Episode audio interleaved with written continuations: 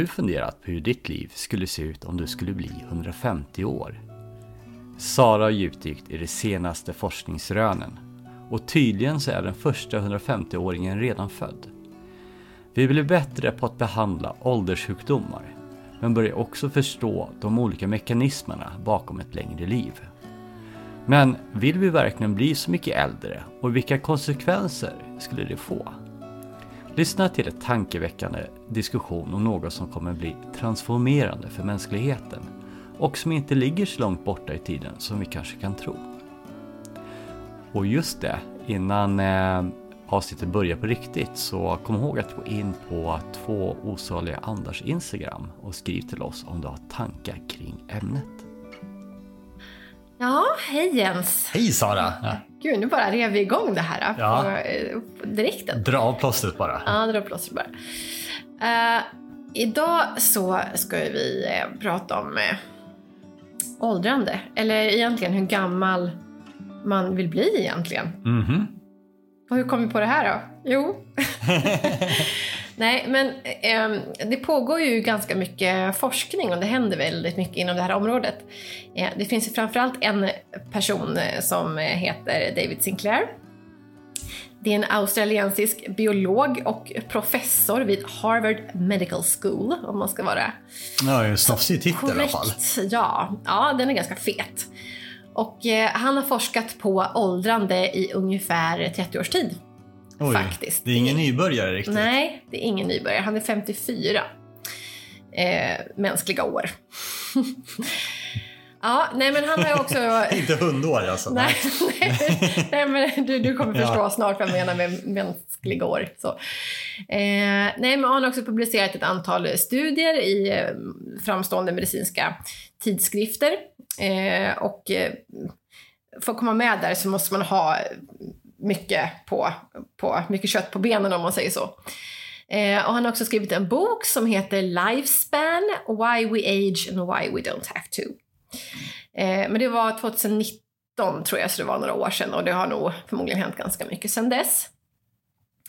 Eh, ja, och då tänkte jag vi kanske skulle förklara då, eller det som är ganska viktigt att förstå tänkte jag så här nu innan vi börjar prata om hur gammal man egentligen vill bli.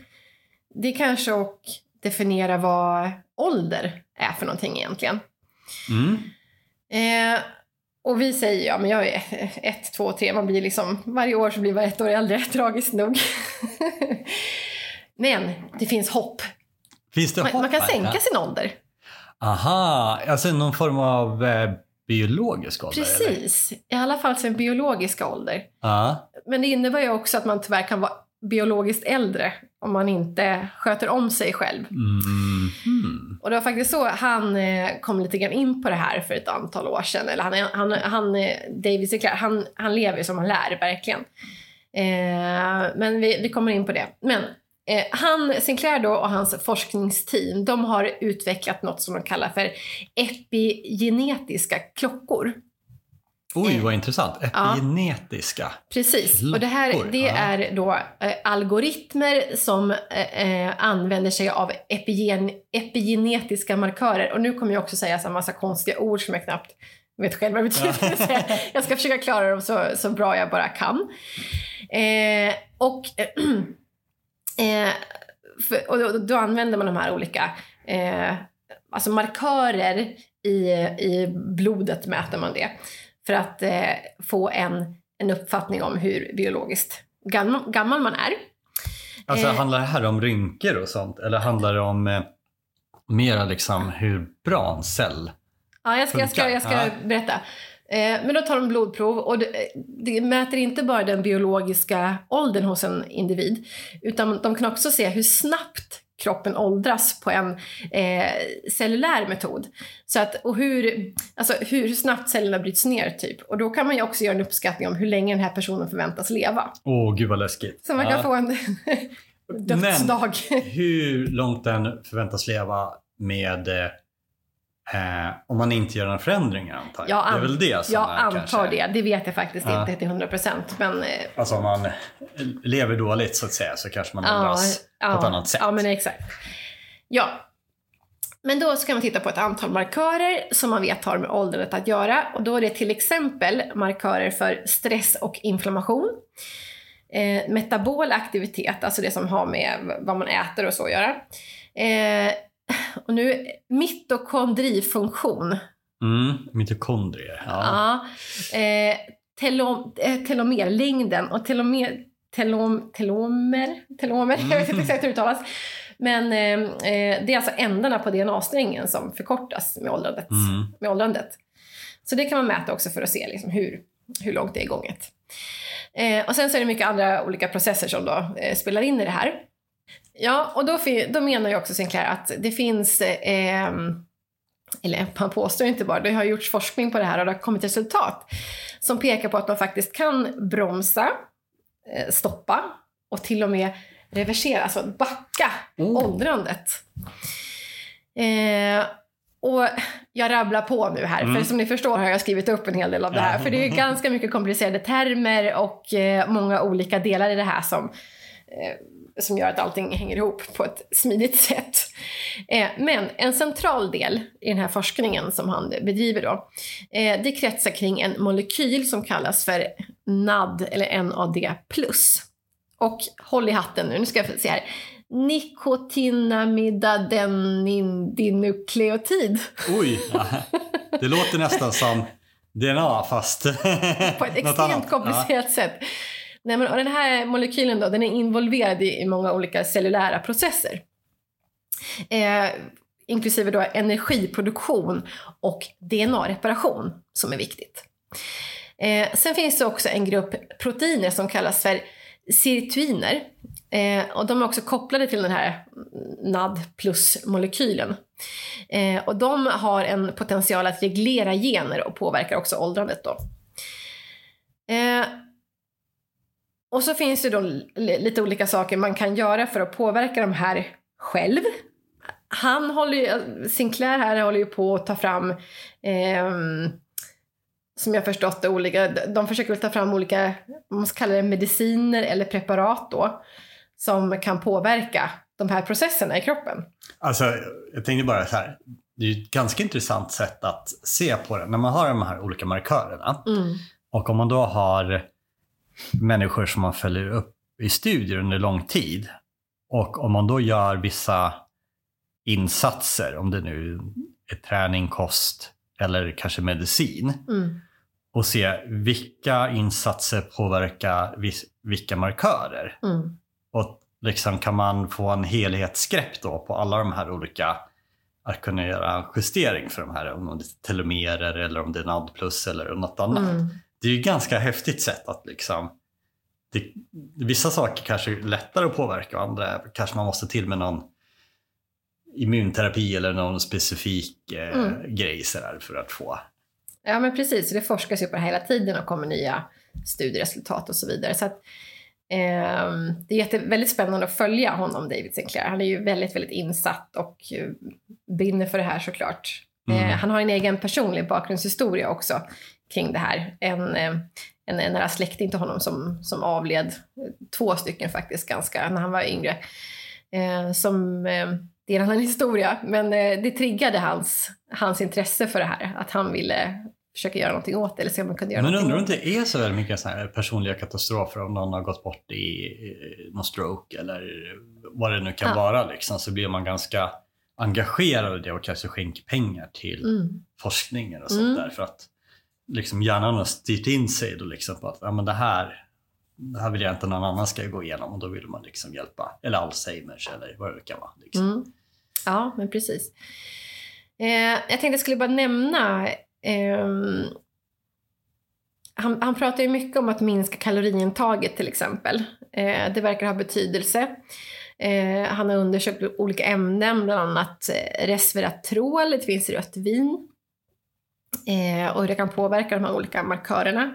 Nu säger han inte att man ska dricka massa rött vin, utan eh, det finns annat sätt, andra sätt att, att utvinna de här eh, ämnena. Ehm, och det, han, har han gjorde ett experiment, eller han har väl gjort flera, men han gjorde ett, ett experiment som blivit ganska känt på en, eh, eh en stackars liten mus. Eh, där de behandlade eh, en, en åldrande mus med något som då kallades för MNM-behandling och det var en föregångare till den här NAD+. Så det är väl Mhm. typ likadant. Eh, Så den här musen fick en behandling med den här och sen så kapade man synnerven i ena ögat. Eh, För att se då om den här musen skulle ha en förmåga att, eh, att reparera de här cellerna. Och eh, musen eh, reparerade skadan, eller de här cellerna de blev reparerade. Jag hoppas jag säger rätt nu.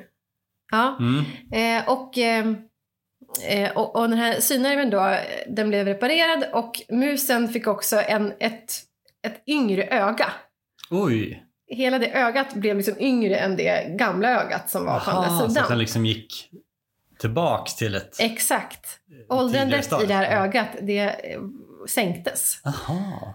Så det gick tillbaka. Och det var ju eh, fantastiskt. Mm. Och det hävdar han då också att, det, att eh, Dave Sinclair, att det kommer, han tror att inom några år, tre, fyra år kanske, så skulle det kunna finnas preparat som eh, bromsar åldrandet hos människor. Och då pratar han framförallt om syn och hörsel och sånt som klassiskt Ja, blir sämre bli liksom, sämre, med, med Ja. åldrandet. Ja. Det här är ju, som ni hör, det- det är otroligt komplext. Det är också väldigt, väldigt fascinerande. Så att, gå in och kolla på David Sinclairs, eh, han är, finns mycket på YouTube och det har varit med om ma- massa olika eh, intervjuer och eh, podd, poddar och så. Så det är bara att söka på honom så kommer det fram massor med information. Men som jag förstått det som eh, så har vi ju så DNA och RNA, liksom strängarna där vi har all kodad information om Mm. Celler och ska det vara hudcell och hur ska Mm. den se ut och allt det här. Eh, och den här delningen gör, görs så kan den introducera små fel ibland. Alltså det finns en viss risk för det.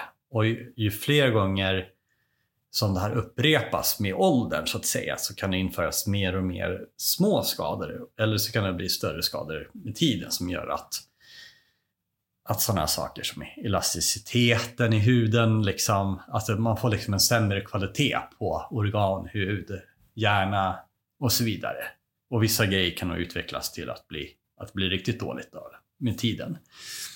Så att det är ju någonting med det här, äh, dels DNA-kopplingen men också som du varit inne på med de här telomererna, de här längden, att det verkar Mm. liksom finnas en koppling med telomerlängden Mm. Eh, och hur många gånger mer en cell kan delas utan att vara liksom börja bli förstörd.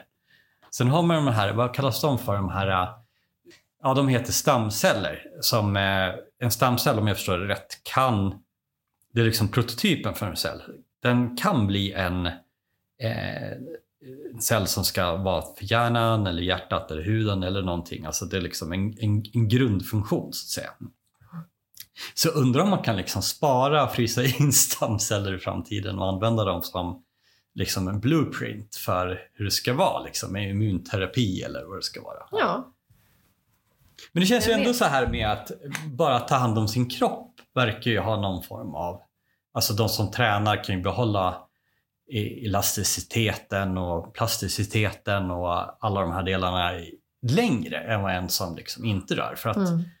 det är som att man eh, i den här lätta stressen som blir i, i kroppen när man har en viss påfrestning under en viss kort tag gör ju att man har lättare att få nya hjärnceller eller fått nya eh, det har vi pratat om tidigare att just hjärnceller verkar ju kunna, det trodde man inte fram, var det 70-80-talet man fortfarande trodde att man aldrig kunde få nya hjärnceller till exempel. Men med, med träning och så vidare så visade det sig att man kunde få ganska mycket nya hjärnceller. Mm.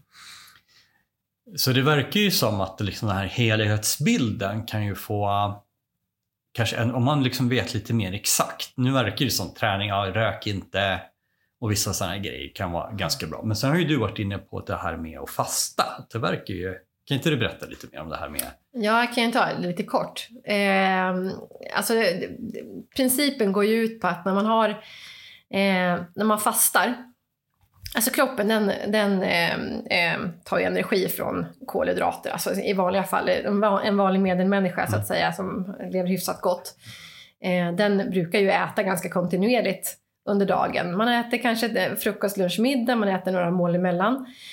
Eh, då förser man hela tiden kroppen med lätt, eh, lätt åtkomlig energi så att säga. Mm. Så då behöver kroppen aldrig hämta energi någon annanstans ifrån. Eh, och då innebär det att man lagrar, lagrar saker i kroppen som, inte, som kan utvecklas till cancer längre fram till exempel.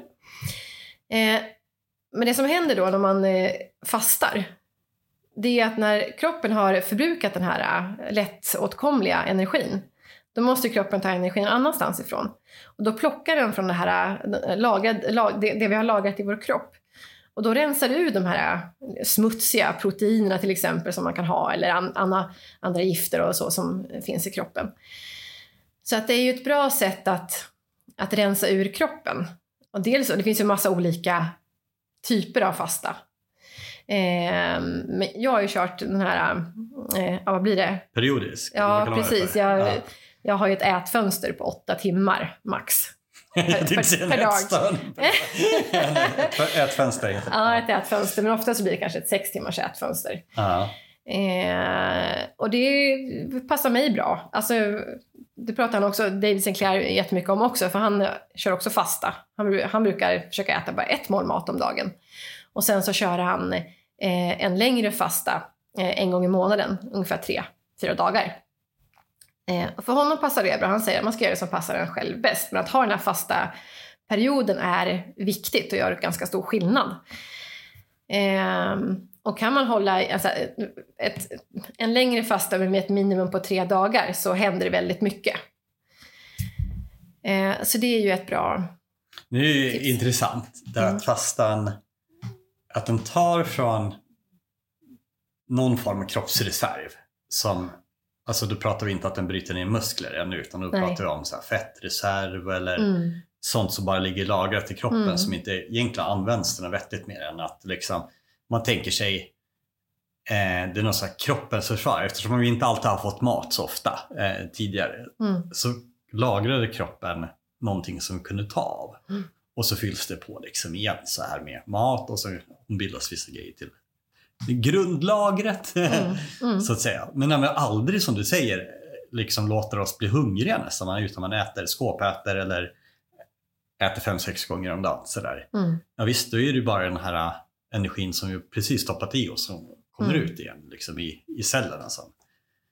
Eh, så frågan är hur mycket liksom skrot, skräp som vi har liksom, tack vare att vi lever så här. Det är säkert ganska mycket. Samtidigt, vi vet att vi lever mycket, mycket, mycket, mycket längre nu än vad vi levde förr i tiden. Mm. Men eh, okej, vi har ju sjukvård, vi har eh, mycket delar som kanske, alltså hygien tror jag kanske är en stor grej med Mm. att vi liksom, förr kanske man badade en gång om året, eh, om för länge sedan så här. Att mycket bakterier och mycket skräp liksom, även om vi inte är lika tåliga då, så det finns ju ganska mycket. Sen åt, åt man förr? Liksom åt väl bara rover och gröt på gädda eller något. Ja, inte. ja, nej men det var nog inte lika allsidigt, nej. Nej, precis. Man hade antagligen skörbjugg, man hade så olika delar som gjorde att man sakta dog på olika Vi har ju, vi har ju en fantastisk eh, eh, möjlighet att äta väldigt, väldigt bra. Alltså utifrån ett, eh, det, det perspektivet vi pratar utifrån idag. Mm. För att kroppen behöver också utsättas för en, ett visst, en viss mån av stress. Alltså, det här att hela tiden hålla kroppen nöjd, Mm. det gör att de här eh, utrensningsfunktionerna aldrig hoppar igång. Ja, men precis. Det är ju som träning. Det är ju egentligen... Det, är, ju- det låter ju lite hemskt, men det är ju en, det är en ganska stor stress för kroppen. Ja, för att bygga upp. Men eftersom den är så kortvarig, en träning, om, om det är en timme över ett dygn eller en Mm. halvtimme eller vad man nu gör. Så tillfälligt höjer man ju blodtrycket under Mm. träningen. Men när man har slutat träna efteråt så sjunker blodtrycket till att vara under där man började, fast under en längre tid. Mm. Så totalen över ett dygn så har ett lägre blodtryck, men har en tillfällig lite, lite topp där så att säga. Det är en Ja. jättebra liknelse. Ja, Mm. och jag, jag tror att eh, nästan allting pekar ju på att någon form av rörelse gör jättestor skillnad mot nästan ingen rörelse. Mm. Sen är det eh, ju mer man tränar, ju mindre ökning blir det liksom per extra minut man lägger på träningen. Så Mm. verkar det ju vara. Så Mm. att i början har man alltså störst effekt. Så att bara att man eh, går en promenad lite då och då är jättemycket bättre än att inte gå en promenad då och då. Men att gå från att göra en halvtimme om dagen till två timmar om dagen blir inte så stor skillnad. Nej. Sådär. Men eh, det verkar ändå vara så en vettig liksom grunden hos oss. Och sen är det ju liksom kosten givetvis och sömnen. Mm. Och sömnen verkar ju vara ett, ett ställe där kroppen kan reparera eh, ganska mycket. Både mentalt och hjärnan och celler och så vidare. Men det här är ju någonting som vi känner till något idag. Fast även om man vet vad som är bra för en så är det ju inte alltid man gör det. Nej. Man slarvar både här och där och Ja. helger man uppe sent kanske och sover lite dåligt, Mm. vaknar på nätterna. Eh, tar lite extra sås och... Nej, men alltså, det är ganska mycket att vi bryter det här Ja. ja. kunskapen hela tiden. Ja. Jo, men vi är ju, vi är ju junkies allihopa. Ja, Alltså, Sockerjunkies är ju de vi- flesta. Ja. på något sätt. ja. Men jag tänker så här, okej, det finns ju två sätt här. Eh, det ena är ju att, att arbeta med de här eh, sjukdomarna som, eh, eller bristerna man har när man börjar bli gammal för att liksom förlänga livet. Och det är ju de här stora, de flesta dör ju av hjärt-kärlsjukdomar, cancer och typ sådana som Alzheimers och Mm. demens. Ja. eh, Liksom att det Mm. går ner ganska. Mm. Det är ju liksom. Så att ju mer man får bort eller kan minska eller behandla de här Mm. ju fler år kan man ju lägga på till en Mm. viss gräns. Sen kan man ju liksom dö av hög ålder verkar det som att man liksom kroppen börjar ge upp ändå för att man, alltså man kan inte få tillbaka sin muskelstyrka som man hade riktigt. Man orkar, det är så mycket, det är lättare att få skador och så vidare. Mm. Men det andra verkar ju vara som eh, han du pratade om, Sinclair, att man kanske kan använda eh, genetik på något sätt för att liksom artificiellt förlänga de här Mm. eh, telomerer och vad det nu kan vara. Liksom, så att man har liksom en cellerna kanske håller sig i bättre skick, Mm. så att säga. Ja. För nu, typ, om jag fattar det, de äldsta som har levt någonsin är väl någonstans runt 120-ish. Mm. Ja. Sådär. Och det verkar nästan vara som att det kanske går att klämma ut något år eller två, men det verkar finnas något så här, nästan ett stopp här. Eh, även om man inte dör av sjukdom så verkar det Ja. inte som att det är så otroligt få människor som kanske når över 110. Ja. Men att nå 115, det, då är det en handfull, 120 kanske någon. Mm. Eh, så det finns ju verkligen någonting som stoppar här. Men, men om du kunde bli 150 då? För det är det vi ska Mm. prata om egentligen. Ja, det är Alltså den här moraliska eh, aspekten i det hela, eller vad händer egentligen? Det, det kan vi bara spekulera i. Men, Alltså jag tänker men om, så du, här... om, om du kunde bli, bara din spontana, skit i överbefolkning, Ja. allt det där. Om du kunde bli 150, Ja. Jag skulle nog säga... Alltså om man tänker sig en 90-åring idag. Mm, visst, den kanske kan knata runt och den kan göra saker. den. Ja, 90-åringen. Ja. eh, men eh, liksom... Jag tror att man i, i den åldern så... Allt är väldigt besvärligt Mm.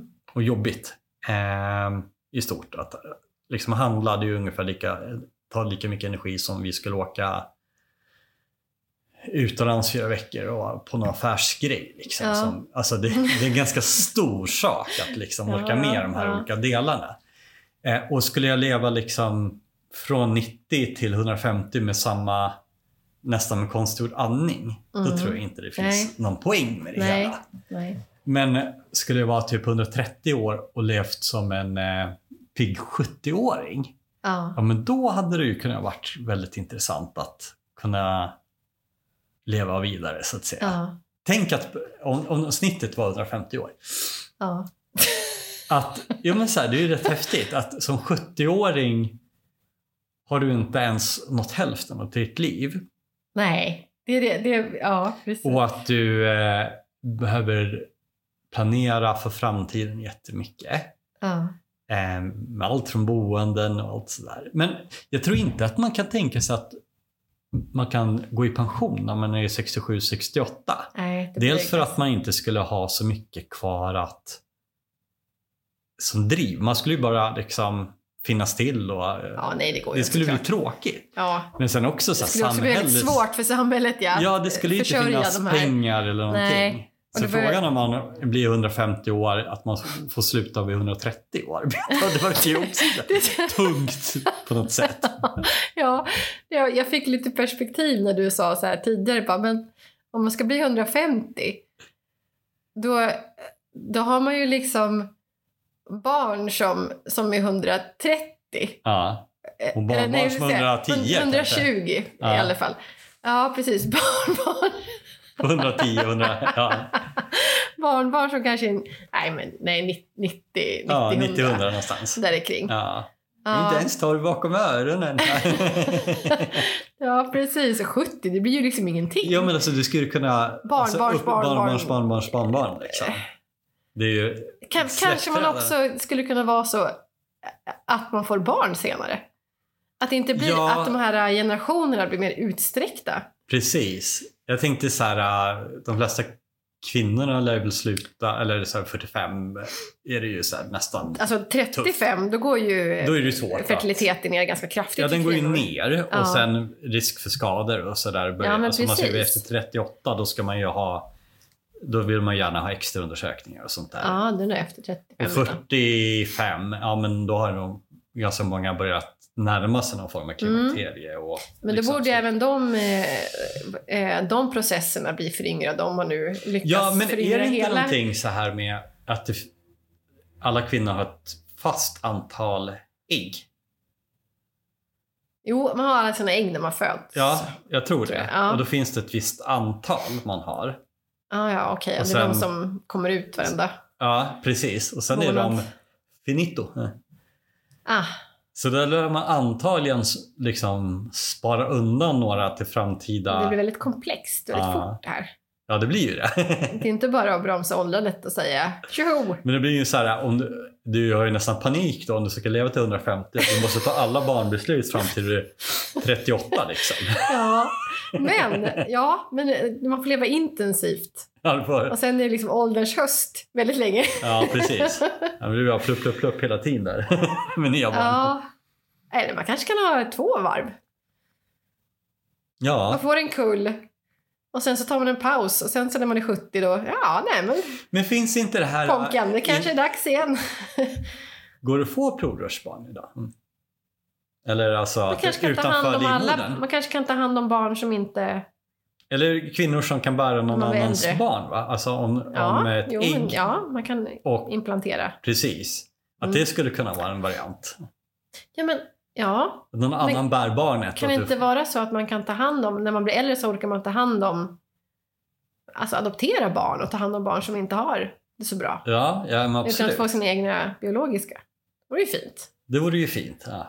Men hur känner du? Skulle du liksom, under vilka premisser skulle du kunna tänka dig att okej, där skulle det vara ganska schysst att leva till 150? Ja, men det är som du säger, det har ju så mycket att göra med allting runt omkring. Om jag själv bara skulle bli 150 och eh, liksom mina barn och alla mina eh, runt omkring mig inte hade den möjligheten och dog och Mm. nej, då skulle jag ju såklart inte vilja det. Men om hela samhället var anpassat efter att folk lever till 150 så absolut. Ja, men säg att man skulle vara typ fräsch i hjärnan på något sätt och kroppen är liksom vettig. Alltså det är inte att du sitter Ja. i, i, i rullstol de sista 50 åren och liksom inte orkar göra någonting så här, utan att du håller ändå liksom, någon- du säger en 60-årings kropp. Alltså, Då är det ju ändå så här att man kan ju tänka sig att man kanske skulle utbilda om sig kanske man är både 60, 90, 110. För Man du har skulle- jättemånga år kvar ja, men man skulle kunna vända på det egentligen. Vad, vad skulle samhället tjäna på att man blir 150? Ja, så länge du kan vara liksom lite produktiv, att du inte bara liksom tar från samhället liksom någon form av pension, utan kan ge tillbaks i form av att du arbetar eller vis och lär ut andra. Då Ja, men då måste ju av... också samhället försörja dig. Så det blir ju en plus minus noll. Nej men alltså du måste ju för, ha din egen försörjning. Du måste ju vara anställd eller driva jo, men man, man, man kostar ju ändå för samhället. Man behöver säkert någon form av sjukvård och, Ja, och olika saker. Sociala skyddsnät och sånt som kostar.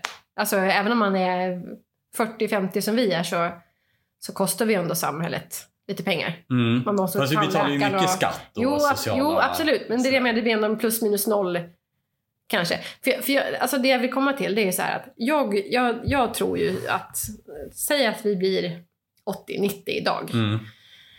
Eh, jag tror snittåldern i Sverige är 83, eller något sånt där. Ja, för 85, kvinnor och ja, mm, två, tre år mindre för män. tror jag. Precis. Eh, jag tror ju ändå att kroppen på något sätt är anpassad. Man, man eh, mentalt på något sätt och kroppen anpassar sig efter den här åldern. Att man Mm. kommer dö när man är mellan 80 och 90 kanske. Det tror jag också. Att man liksom att man förbereder sig lite. och inte är så sugen kanske på att leva Ja. längre när man Nej, börjar alltså- närma sig den åldern. Det är ju inte så att du Så- tar en högskoleexamen när du är 67. Även om du har år kvar. Förmodligen inte kanske. Nej. Nej. för man är inte så sugen helt enkelt. Nej, alltså inte man man hinner inte knappt gå klart den och så ska du börja... Alltså, Ja, precis. Så då, då tänker man ju så här, okej, men om man då skulle bli 150, blir inte det samma... Alltså, och kroppen ställer in sig på att ja, men då- okej, då ska jag dö i 150 istället och man blir nöjd någonstans vid 130, vad vet jag, 140. Eh, vad är skillnaden? Om man ändå känner sig ganska redo för att dö när man Mm. är 80, mm. inställd på att göra det, eller att man att är inställd på att göra det när man är 140? När du är 80 så- och du har kanske inte så må- många juvlar kvar, så att säga, vad tragiskt Ja. det. Men, eh, Ja, det var sorgligt. det var sorgligt. Ja.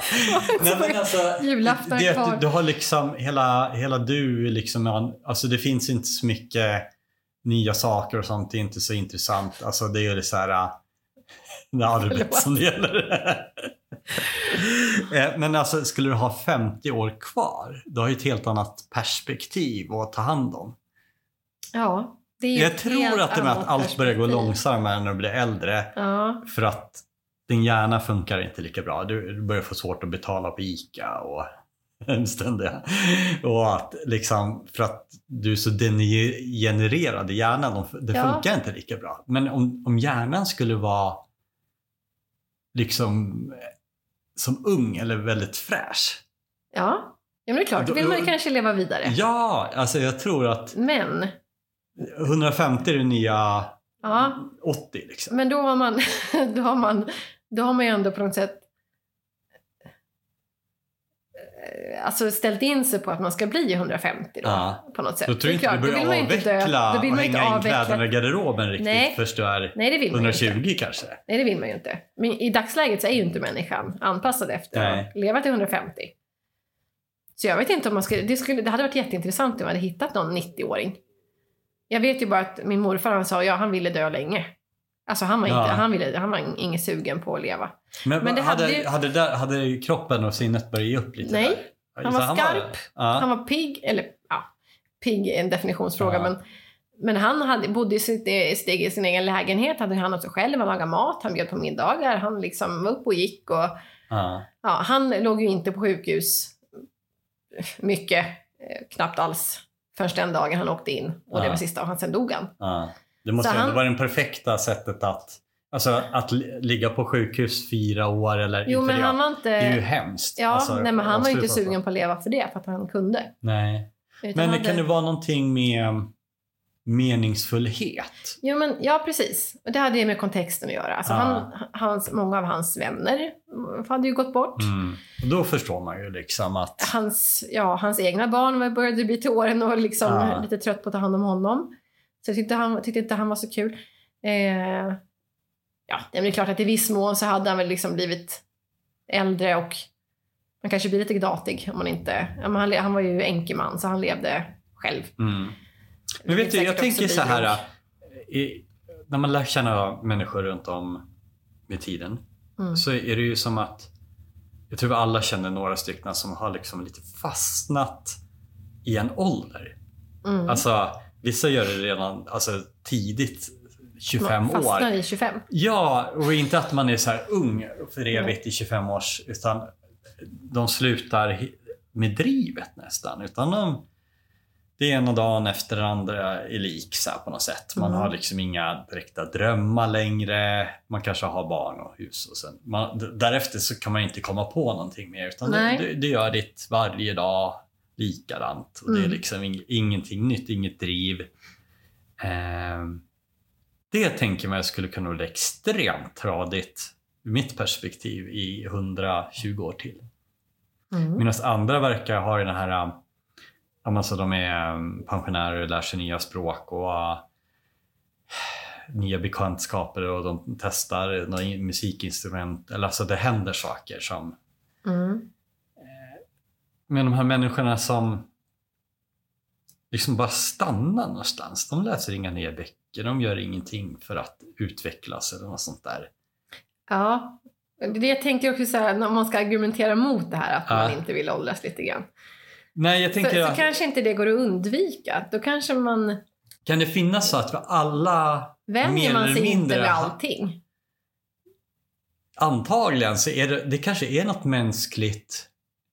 Först är det liksom ett himla driv att man bli, vill bli äldre när man är ung. Ja, För att man får göra mer saker. Ja. Man får mer möjlighet, man bryter sig loss, man skaffar familj. Och sen, och sen är det liksom så här, där har man pikat där någonstans. ja. Eh, så när barnen är så här 15-20, då har vi liksom ungefär gjort Jag har gjort mitt. Ja, lite grann. Ja, Sen är det ju liksom, visst du kan ta hand om dig själv, men för, för, förr dog ju folk efter Mm. de har fött barn och sånt där och några år till. Liksom, Mm. så här. Eh, men nu är det liksom, nu har vi liksom, ja, självförverkligande och så vidare. Men det verkar ju som att, och jag vet inte om det har med liksom att vi har degenererat när man blir för gammal, att man har liksom inte ork och energi. Eller om det handlar om något annat, liksom att det vi inprogrammerar för att göra föröka sig och få liksom så här att mm. ja, nu finns det liksom inget nästa steg. Att det liksom genetiskt eller i människan som ras så är det liksom efter en viss ålder när man gjort alla de här grejerna så Men ja, det är väl om... du är överflödig för samhället. Det, ja, nej, men det är väl om, eh, om mänskligheten på något... Eller ja, det är väl, kan väl finnas jättepoäng med att de, de äldre liksom, 140-åringarna finns kvar och tar hand om de generationerna som kommer Mm. och delar med sig av sin visdom. Men, men om man, det är också en stor skillnad också om... Jag tänker så här, ja, men, eh, någon som till exempel är legat för döden och sen helt plötsligt får händer ett mirakel och så får man sitt liv tillbaka Mm. klart, då är man ju taggad som fasiken på att leva. Mm. Eh, och gör det säkert till 100% länge. Mm. Och vissa kanske ja, tills de dör. Men, eh, men alltså jag menar, eh, jag kan ju bara säga till mig själv, nu har inte jag legat på dödsbädden kanske, men, men man har, har ju fått, ja, jag har krockat med bilen och har fått sådana här flashar ja, liksom. nära på det Där man bara ja. får sig en riktig tankeställare.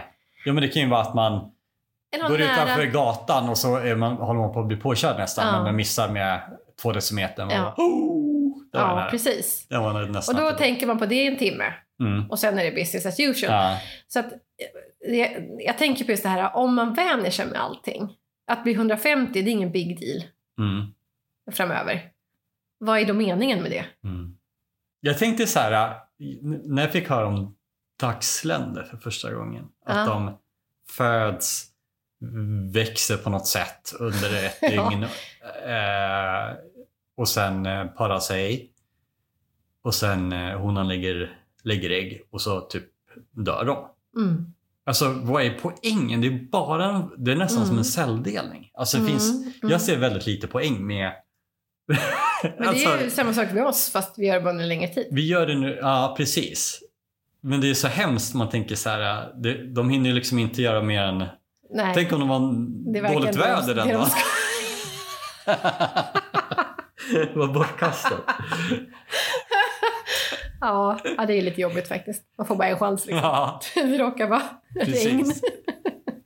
Ingen hona i närheten. En syjunta. Jaha. Ja. Nej, men Ja, det är alltså, klart. jag, jag, jag, om man tänker sig att just att man skulle vara pigg och allt det här. Och då hade ju ens perspektiv varit annorlunda. Nu är man ju nästan så här Mm. intänkt att ja, har man tur så blir man 80 ungefär. Men att, Ja. ja men lite så. Ja. Eh, det, ja men det, jag tror att shit vad mycket annorlunda man skulle kanske göra om man liksom hade 80 år till på sig i princip. Att va- vad långsiktigt allting du skulle göra. Du måste liksom planera allt från aktier till eh, hus till barn till Alltså ditt liv blir mycket mer värdefullt. Säg att du ska leva 500 år. Bara, vi tar en sån här fantasi bara för att göra en poäng av det hela.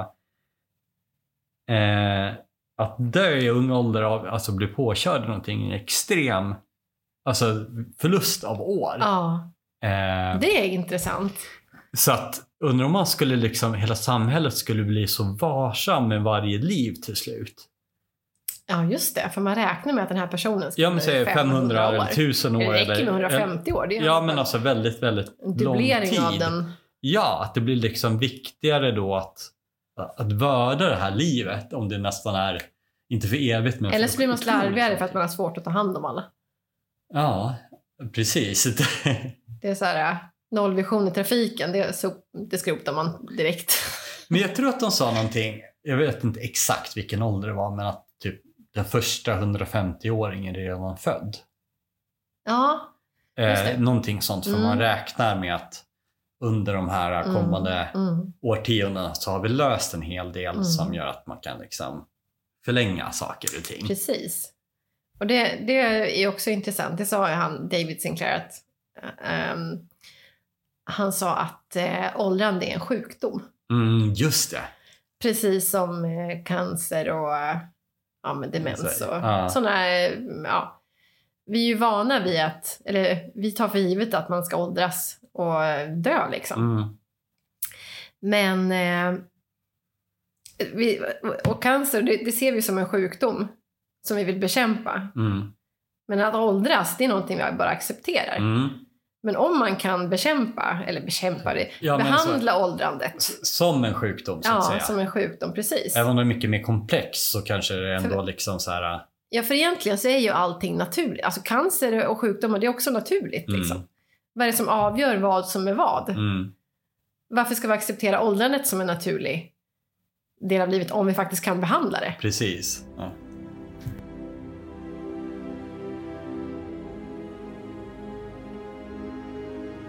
Jag tycker det är jätteintressant och jag har ju läst en del, jag tycker om science fiction av den anledningen att eh, där brukar man bolla med de här idéerna. Liksom Mm. och göra en, en bok om det eller en film kanske. Vad hade hänt om? Mm. Precis den här åldersidén. Och flera har ju då tänkt det här tanken med att flera hundra år framåt så kanske man kan genomgå då en genetisk föryngring. Mm. Eh, så att du är dig själv fast säg att du blir 60 Mm. och har du då möjlighet så genomgår du en sån genetisk eh, behandling. Mm. Så inte vet jag, låt säga att den tar ett par veckor att så här, men i princip så föryngras cellerna till att du är i princip som 20 år igen. Att liksom från stamceller eller, eller Ser liknande. man ut som en 20-åring då också? Eller liksom, ja, ja. i princip. För att du har inte den här hängande huden och skrynklorna. Du Nej, har inte... Stora porerna. Nej, precis och allt det här. Men klart, du är li- lika tjock som du var innan eller Ja. smal eller så här med muskler. Men du har en...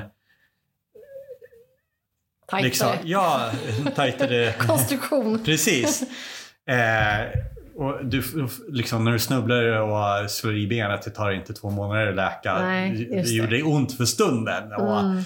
eh, hjärnan också, att du har den här uh, piggheten Mm. i hjärnan. Eh, och den här plasticiteten som är omförändringsbara. Men eh, du har ju kvar minnena Mm. eh, och liknande. Så du har ju någon form av självsäkerhet som en äldre människa har. Du trygger dig själv. Och du har visheten. Mm. Men nu helt plötsligt är du en varg i fåraflock. Mm. Alltså, en ulv i bland- fåraklädd. Ja. För att om du umgås med bra sätt, kanske. 18-20-åringar och du har den här visheten. Ja, liksom, det. är en helt annan form av Det är ju 20-åring nu. ja. Ja. Samtidigt kanske man inte skulle vilja identifiera sig med Hur, hur, 20-åringar. Jag vet vad händer inte. då med liksom sam grupptillhörigheter och den här liksom Ja, dynamiken? jag tror inte man skulle vilja hör tillhöra jag till? 18-åringarna. Du kanske skulle vilja vara i de som är föryngrade med en yngre kropp. Vem som har Ja, men man kan inte känna igen folk som man nog kan nu omedelbart känna in någon. Så här, okej, det här är någon som är lika gammal som jag. Vi, ja. Nej, Då connectar man på något sätt. Liksom. precis. Här skulle du nog tänka bara, åh, vilka jävla tonårsproblem. De har liksom håller på yrar om det ena och det andra så här. Men du ser likadan ut för att du är liksom ung i kroppen. Men Jaha, nu ska de sluta gymnasiet. Alltså, man orkar ju inte bry sig Nej, om det gör sånt. man ju inte. Nej. Men, men du, om det fanns ett piller Mm. som du kunde ta och så visste du att det skulle dra av tio år på dig.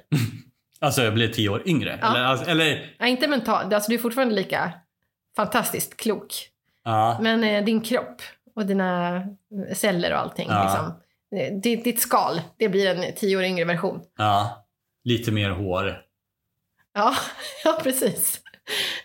Lite mer. Ja, Lite fylligare på rätt ställen och... precis. ja, Ja. skulle du det? Ja. Ja, utan tvekan. Alltså, jag ser inte vad nackdelen skulle vara. Alltså skulle jag se ut tio år yngre? Ja. Det är inte jättestor skillnad skulle jag kanske säga. Visst, Okej, vi visst. säger 20 då. Ja, Bara för att... ja, det skulle i och för sig vara intressant för att de du umgås med kanske är ungefär samma ålder. Så skulle, om de inte hade tagit det, alltså att livspartner, bla bla bla. 20 år, alltså jag hade ju börjat närma mig barnen, eller äldsta.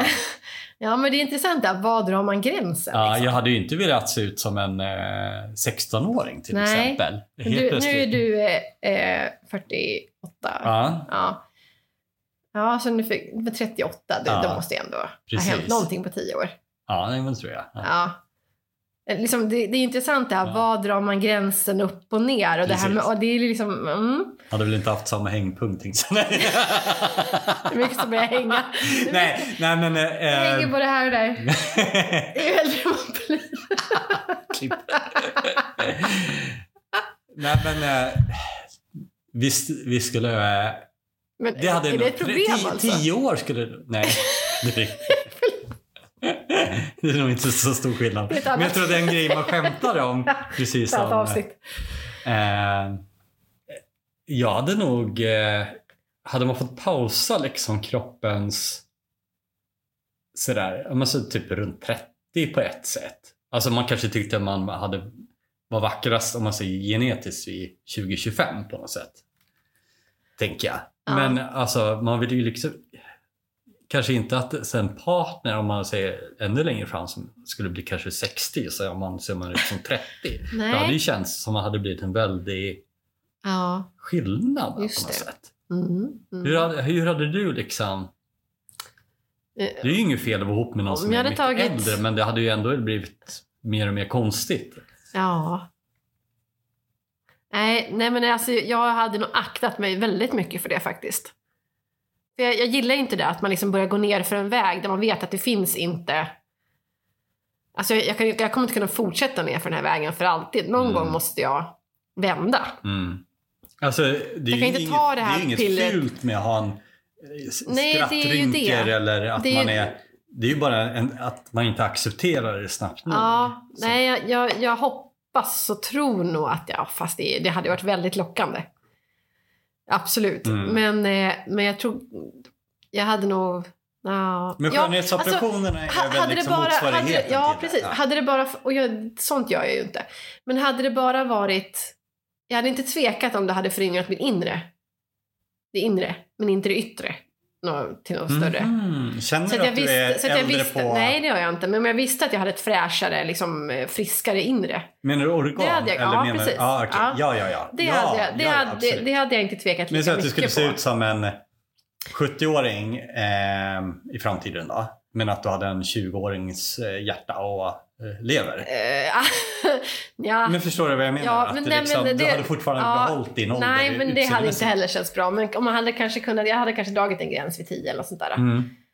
Så att man köper några år, men inte, jag vill ju inte se ut som 70 och vara 20 inombords. Herregud. Nej. Nej. det blir också tokigt, tror jag. Men om vi pratar, om vi struntar i ehm, det fysiska liksom med eh, organ och utseende och mm. allt så här. Om vi bara tänker på det emotionella och det här det man kallar för barnasinne. Mm. Att jag tänker mig det fantastiska man ser barn eller om man tänker sig alltså så här Glada Hudik-teatern eller sådana här Mhm. som Mm. som går ut och tittar på världen lite med nya ögon hela tiden. Du vet, små treåringar, fyraåringar, de är ju så fantastiska. De ser en vattenpöl och hela ansiktet liksom spricker upp i glädje. För det här kan man hoppa i och ha kul. Mm. Medan i vår ålder, åh, det regnar igen. Och Jävla tråkig svensk som... Alltså, det- Man Ja. har liksom en så här...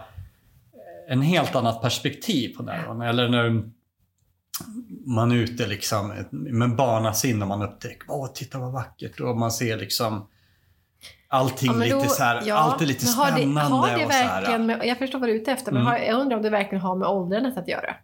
Det är det jag funderar. Alltså jag tror att det finns... Alltså de flesta människor man ser verkar ju gå åt ett håll när det gäller att man är- har blivit lite Jo, blasé på... Ja. Man upptäcker inte så himla mycket nytt längre. Det är inte, en vattenpöl är inte ny, för det har man sett hundratusentals gånger. Mm. Så att det frågan är liksom... Fast jag tror att det där är mindfulness, att man eh, väljer bort att inte, man prioriterar annat. Mm. Eh, Alltså som man blir äldre, man tränar bort den där eh, Men det här leken, den finns ju inte kvar kanske. Nej, men inte det det då för att man är en helt färsk hjärna då som ska lära sig massa saker. Ja. Man måste ha den här eh, Jag tänker att det hänger ihop lite grann.